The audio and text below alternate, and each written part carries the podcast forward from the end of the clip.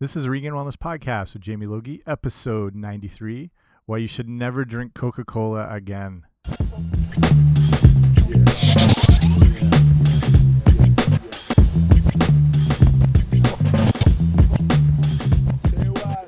Hey guys, what's happening? Welcome back to the podcast. I'm Jamie Logie. I run regainedwellness.com, and this is the Regained Wellness Podcast. And thank you for joining me here in the 93rd episode, number 93, Doug Gilmour, if you're a Toronto Maple Leafs fan. And now number 93, Mitch Marner from the London Knights, who will be a Toronto Maple Leaf. Not sure if he'll be up there this coming season. If you're not a hockey fan or junior hockey fan, this will mean nothing to you, but he's a player from my hometown here who's if you do follow hockey, you've seen him lighting up the highlight reels all year. Um, amazing, amazing talent. And now Memorial Cup champion, won every MVP award you can basically win. Okay, so I started the show with a bit of a ominous, almost do not drink Coca Cola threat, but I'm going to show you some pretty crazy stuff about Coke, which you know some you might be aware of already, a little bit about where it comes from, and uh, the alternatives of how this stuff can be used, which is pretty horrific. Um, and you'll realize why it might not be the best thing to be ingesting. So, okay, this will be all things Coke. Here we go. So we've got Coca Cola here. And yeah, I like to say Coca Cola. If I say the word Coke, you might be thinking I'm referring to like Lindsay Lohan or Charlie Sheen or whoever at this current moment is the celebrity train wreck of the, the day, du jour, who's uh, abusing it. But so, you know, we're talking about the beverage that's part of, you know, Americana. And you you probably heard some of these stories about, or if you haven't, you might be surprised to know that Coke uh, started out as an elixir tonic. Um, and that's kind of what it has its roots in. And um, I'll show you a little more of the history, show you about eight different things um, why you should be avoiding it. Uh, yeah. So, Coca Cola, quick history lesson, was invented by a guy who survived the Civil War named John Pemberton from Atlanta, or was in yeah somewhere in Georgia. I'm pretty sure Atlanta because I think that's where the uh, Coke Museum is and all the history of stuff. So after being wounded in battle, he became addicted to morphine and was looking for a substitute. And Coke originally started out as Coca wine. Um, it was first registered as a nerve tonic. Um, and that's you know like its first kind of creation. So it was an alcoholic beverage. So after prohibition passed, Pemberton created a non-alcoholic beverage he called Coca-Cola. So he took out the wine. Um, it was originally sold as a patent medicine for five cents a glass at soda fountains. Um, it's where the you know where we get the term jerk from. The guys who worked at the soda fountains had they would they'd be called they'd be jerking sodas. They would have handles kind of like beer taps, and that was called like they jerk and then fill whatever. Um, and for some reason, I guess these I don't know if this was not a desirable position or profession, but we associated jerks with these guys. So the old like the old old Coke would have been a syrup, and they would have put it in, and then they would have added they would have jerked the uh, soda water and mixed it up. Um, if it was like something like cherry Coke, they would add in like the cherry syrup and all that sort of stuff. So this this cola was believed to cure morphine addiction as its you know main creation. Um, other things like dyspepsia, headache, even impotence. You know, pretty good deal for a nickel there. Um, th there's so much more to the history. I'm kind of giving you the quick overview and a few other things. If you're wondering where the name Coca-Cola comes from, well, it ties into that whole cocaine and coke issue. If you've ever heard that story, like original Coke contained cocaine. Um, the original formula, it never used straight cocaine. It used the coca leaf, which is the coca part of Coca Cola. So the coca leaf, and that's where we do get cocaine from. It's derived from. Um, but it, you know, so they used real coca leaf. So it, the original formulas inadvertently contain trace, trace amounts of of cocaine, and this is way back. So, and by 1903, they stopped using the fresh leaves, which would contain, um, you know, the slight traces of cocaine, and then they so they were removed for what they called spent leaves that had already been already been used that contained virtually no cocaine. Today, Coke uses a straight obviously cocaine free coca leaf extract. It's almost like a synthetic like flavoring at this point. So before 1903, it had maybe trace trace amounts. So like coca leaf itself, um, if you've ever spent time in like South America, you can eat coca leaf or have coca leaf tea, and it can help ward off altitude sickness and stuff like that. Um, perfectly healthy. It's just you know minor minor trace amounts that would barely show up, but when you know when it's refined down and purified, that's where cocaine comes from. So for that tiny little period before 1903, um, it would have had trace trace amounts. So the that's uh, the coca part. The cola part comes from the cola nut, which is an ingredient which acts as a flavoring and also supplies the caffeine. Sorry, caffeine, caffeine. The cola nut is spelled K O L A, and the K was eventually replaced with a C for marketing purposes, which create that better looking logo and you know one of the most iconic logos in history with that um, cursive writing and you know pro I don't know might be the most famous logo in the world. I, I've been I've traveled everywhere and maybe McDonald's goes up with that too, but there's no places where you do not see Coca-Cola signs. I was in um where was I? Is in Brazil and we were on these little islands off the coast like you know in little huts and there's no electricity and whatever and there's Coca-Cola advertising signs and these little side things. So wherever humanity has gone, Coca-Cola is not far behind it. So so that's yeah where you get coca and the cola and the rest of the recipe is weird it's a tightly guarded secret that has remained pretty much unchanged to this day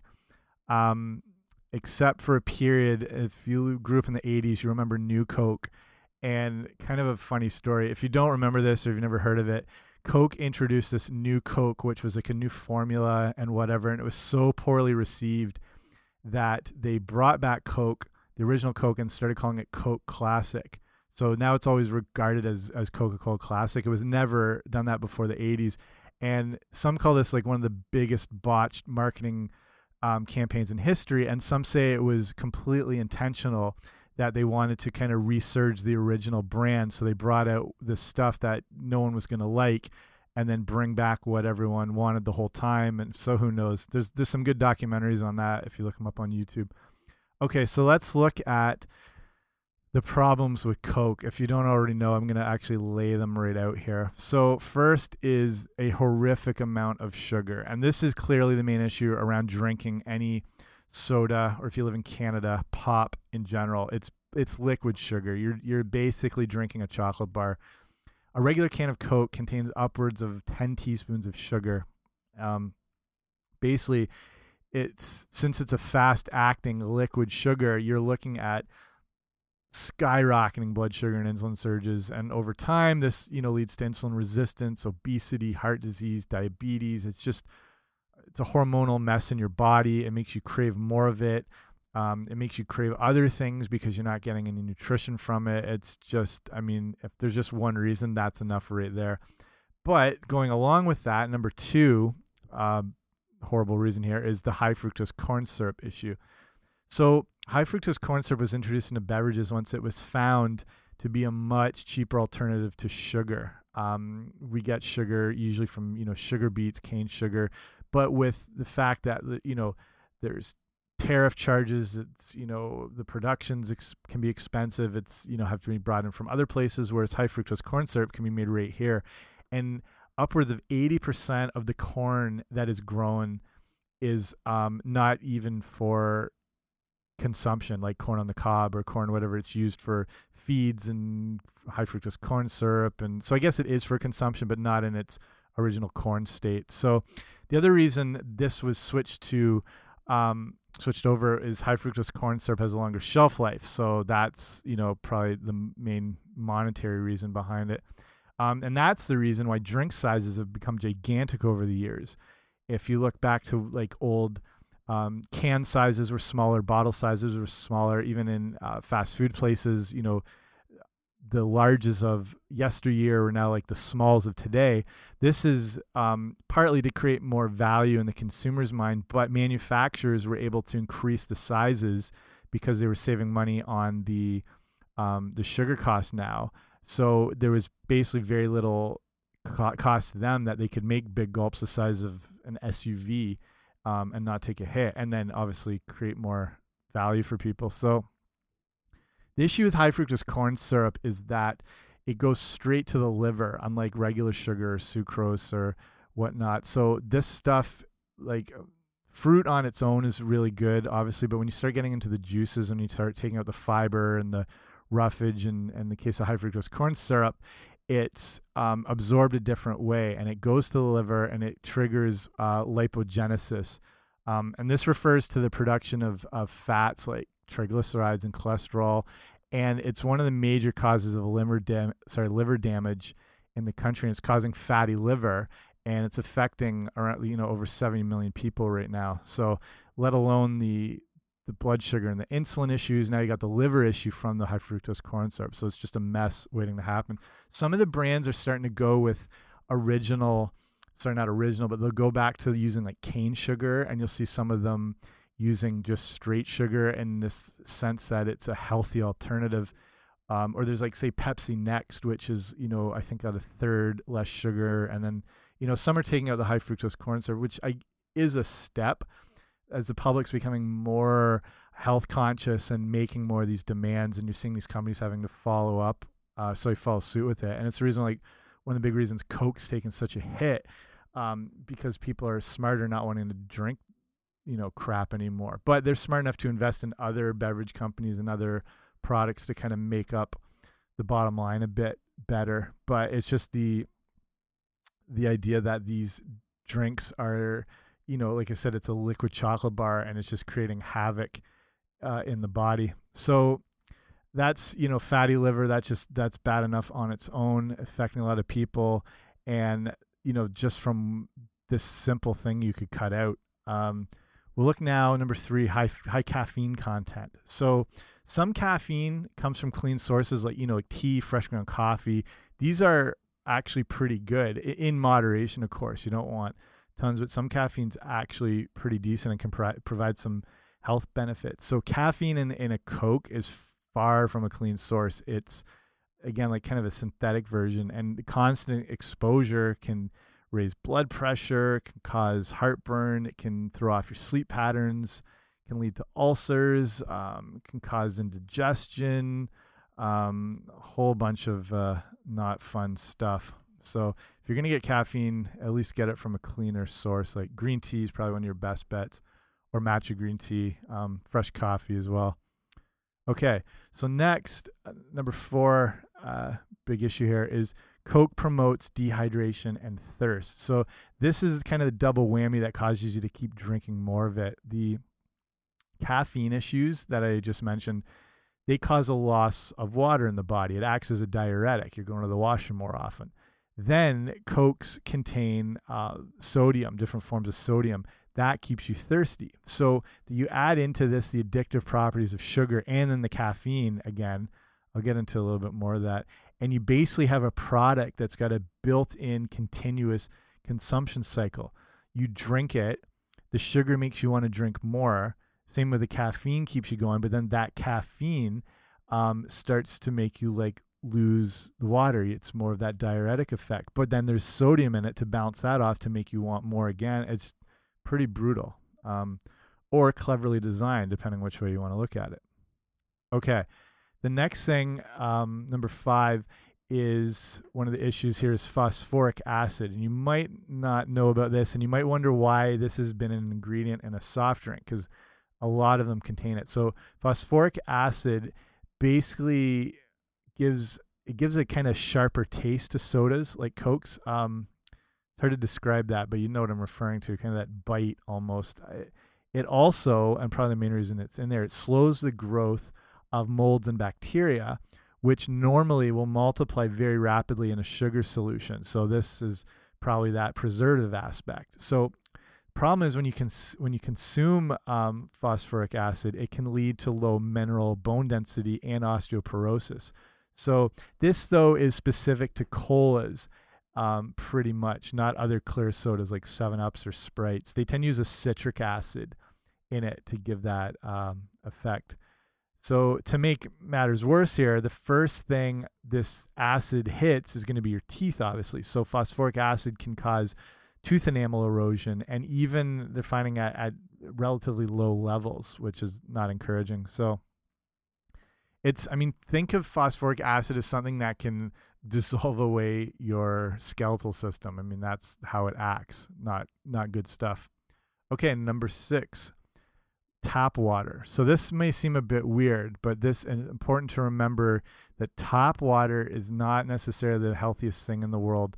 Um, and it's the main ingredient in Coke. And just due to the fact, I mean, everyone's aware of, of water issues and municipal water supplies and whatnot, and fluoride levels and it containing chemicals and all sorts of stuff. The, the thing with with Coke and these companies are using the cheapest um, municipal water sources they can find, and again with you know the other you know talking about the fluoride issue which is a whole other issue these you know the sources of these cheap water uh, supplies also contain amounts of chlorine and you know chlorine's got its issues and it's related to different you know cancers like bladder and breast cancer and and things like that so that's another issue behind it okay couple more here so let's go number seven the um another bad issue dealing with Coke would be the aspartame in it. So obviously this is going to apply more to Diet Coke, but with Diet actually being produced in larger quantities, it's going to probably apply to most people. They make more Diet Coke than they make regular Coke. So aspartame, you already know it's an artificial sweetener. That's um, you have to listen to my aspartame podcast because the the the shadiness that went into behind getting behind getting this thing approved is, is, horrific. So I'll link up on the show notes today. So if you go to regainedwellness.com slash 093, um, I'll have just all this different stuff I'm talking about and you can listen to some more. It's really interesting. Honestly, it's probably one of my favorite shows I've done. Um, yeah, so you got aspartame and it, basically the quick uh, aspartame was originally discovered by accident and was intended as an ulcer medication. And it was uh, basically the guy who was um, working on this thing left this basic compound that was on his finger in this the process of trying to produce this ulcer medication. He licked his fingers to turn the pages of the book and noticed this sweet flavor. And it kind of goes on from there. So that's probably the first sign that maybe this is something we should not be um, consuming. So the issue when you consume an artificial sweetener like aspartame, it does a few things. It acts as what they call an excitotoxin, which can destroy brain cells. That's you know kind of gives that buzz sensation. Um, it causes addiction in itself. Um, it leads you to want to consume more. You know, you're always craving it. Uh, and newer research is showing that it's potentially altering our gut bacteria, which is very concerning. That it, it would have the ability to do that. Um, yeah, big, big mess of an issue. And I encourage you to listen to my other episode on that. Um, so I'll probably leave it at that right now. Okay. So let's finish up here with the last point that it is bad for the body, but it can be good for other uses. So, and I'll show you a few other uses here. So, uh, to start off, do you want to drink something that can potentially remove rust off products? Probably not. Now, you get the idea of how drink how harmful drinking Coke is. Um, and uh, here here's a few other things you can do with it instead, and also to show you why it's maybe not an ideal thing to drink. You can pour Coke on a bug bite or a bee sting, and that can help neutralize the pain because of the combination of different ingredients and the sugars and everything like that. You can uh, take a can of Coke and a wet cloth and it makes a great cleaning solution to remove bugs and dust from like car windows or your front grill if you want to wipe um, that stuff off it just eats it right up there's i didn't add this one in but there's this idea i, I don't have any proof on this i think you can look it up online that the idea the um, police or highway patrol will use coke to dissolve blood off of um, roads after accidents and i don't know if that's true but it, it and and it might be more that the syrup they use. I don't know if that's just an urban myth or something like that. So it's something you can look up. But that idea has kind of floated around for a little while. Um, but here, another point, like I said, it, it, can actually remove rust from small objects. So you might have tried this before or when you're a kid with a, taking an old penny, putting it in a glass of Coke overnight. Um, it can clean it right off. Uh, here's an interesting one. Coke can help get the smell of skunk off your pets if you bathe them in it. Just don't forget to rinse them afterwards. But because of that, it's you know kind of almost like that syrup effect, and that it can absorb apparently odor and who knows. But apparently, this is something people have been using for quite a while. And here's one more. Um, let's see. Let's go. Okay, yeah, Coke can be used for a, as a toilet cleaner. And this is where that phosphoric acid comes into hand. It's actually good for something. It can help break down uh, all the, like that lime scum and build up in a toilet and cuts right through it um, down to the porcelain and takes that scum level right off it. So I don't know. That's probably enough right there to hopefully uh, keep you away from it. I'll, I'll admit I loved Coke. I, I used to drink a lot of it and the main reason I got I got away from it is the sugar issue. Um, just I didn't like the combination of how I felt. Just the, you know the blood sugar issue rise. I could actually feel it in my body, and I think I'm kind of sensitive to caffeine and stimulants because I don't drink teas or coffees or anything like that. I don't. So anytime I have caffeine, I just feel a little not wired, but just not right off it. So that was probably the big reason I stopped drinking it. Uh, and then you know, looking at all these other issues to do with it, you know, with the sweeteners and the phosphoric acid, just all that stuff um, was good enough reason for me. The odd time I'll maybe have one, but honestly, I, I can't even remember the last time it was. So, um, yeah, so that's it for me. I'll probably wrap it up there. Thank you for listening. If you want to learn a little more about you know some things you want to be staying away from like this when I'm talking about these different ingredients like high fructose corn syrup and whatnot sign up for my email newsletter. And when you do I send off a free ebook for everyone who joins up and it's called the health eating starter kit. And in that book I lay it's, it's a short ebook um, but it, it lays out a lot of those things that you want to be avoiding and why you want to be avoiding them.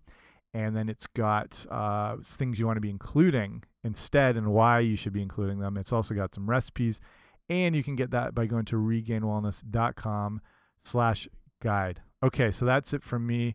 Thank you again. Um, remember, like in your own health pursuit, so it's not always going to go perfectly, but the idea is that you just keep focusing on, you know, moving forward. So focus on progress and not perfection. See you next time.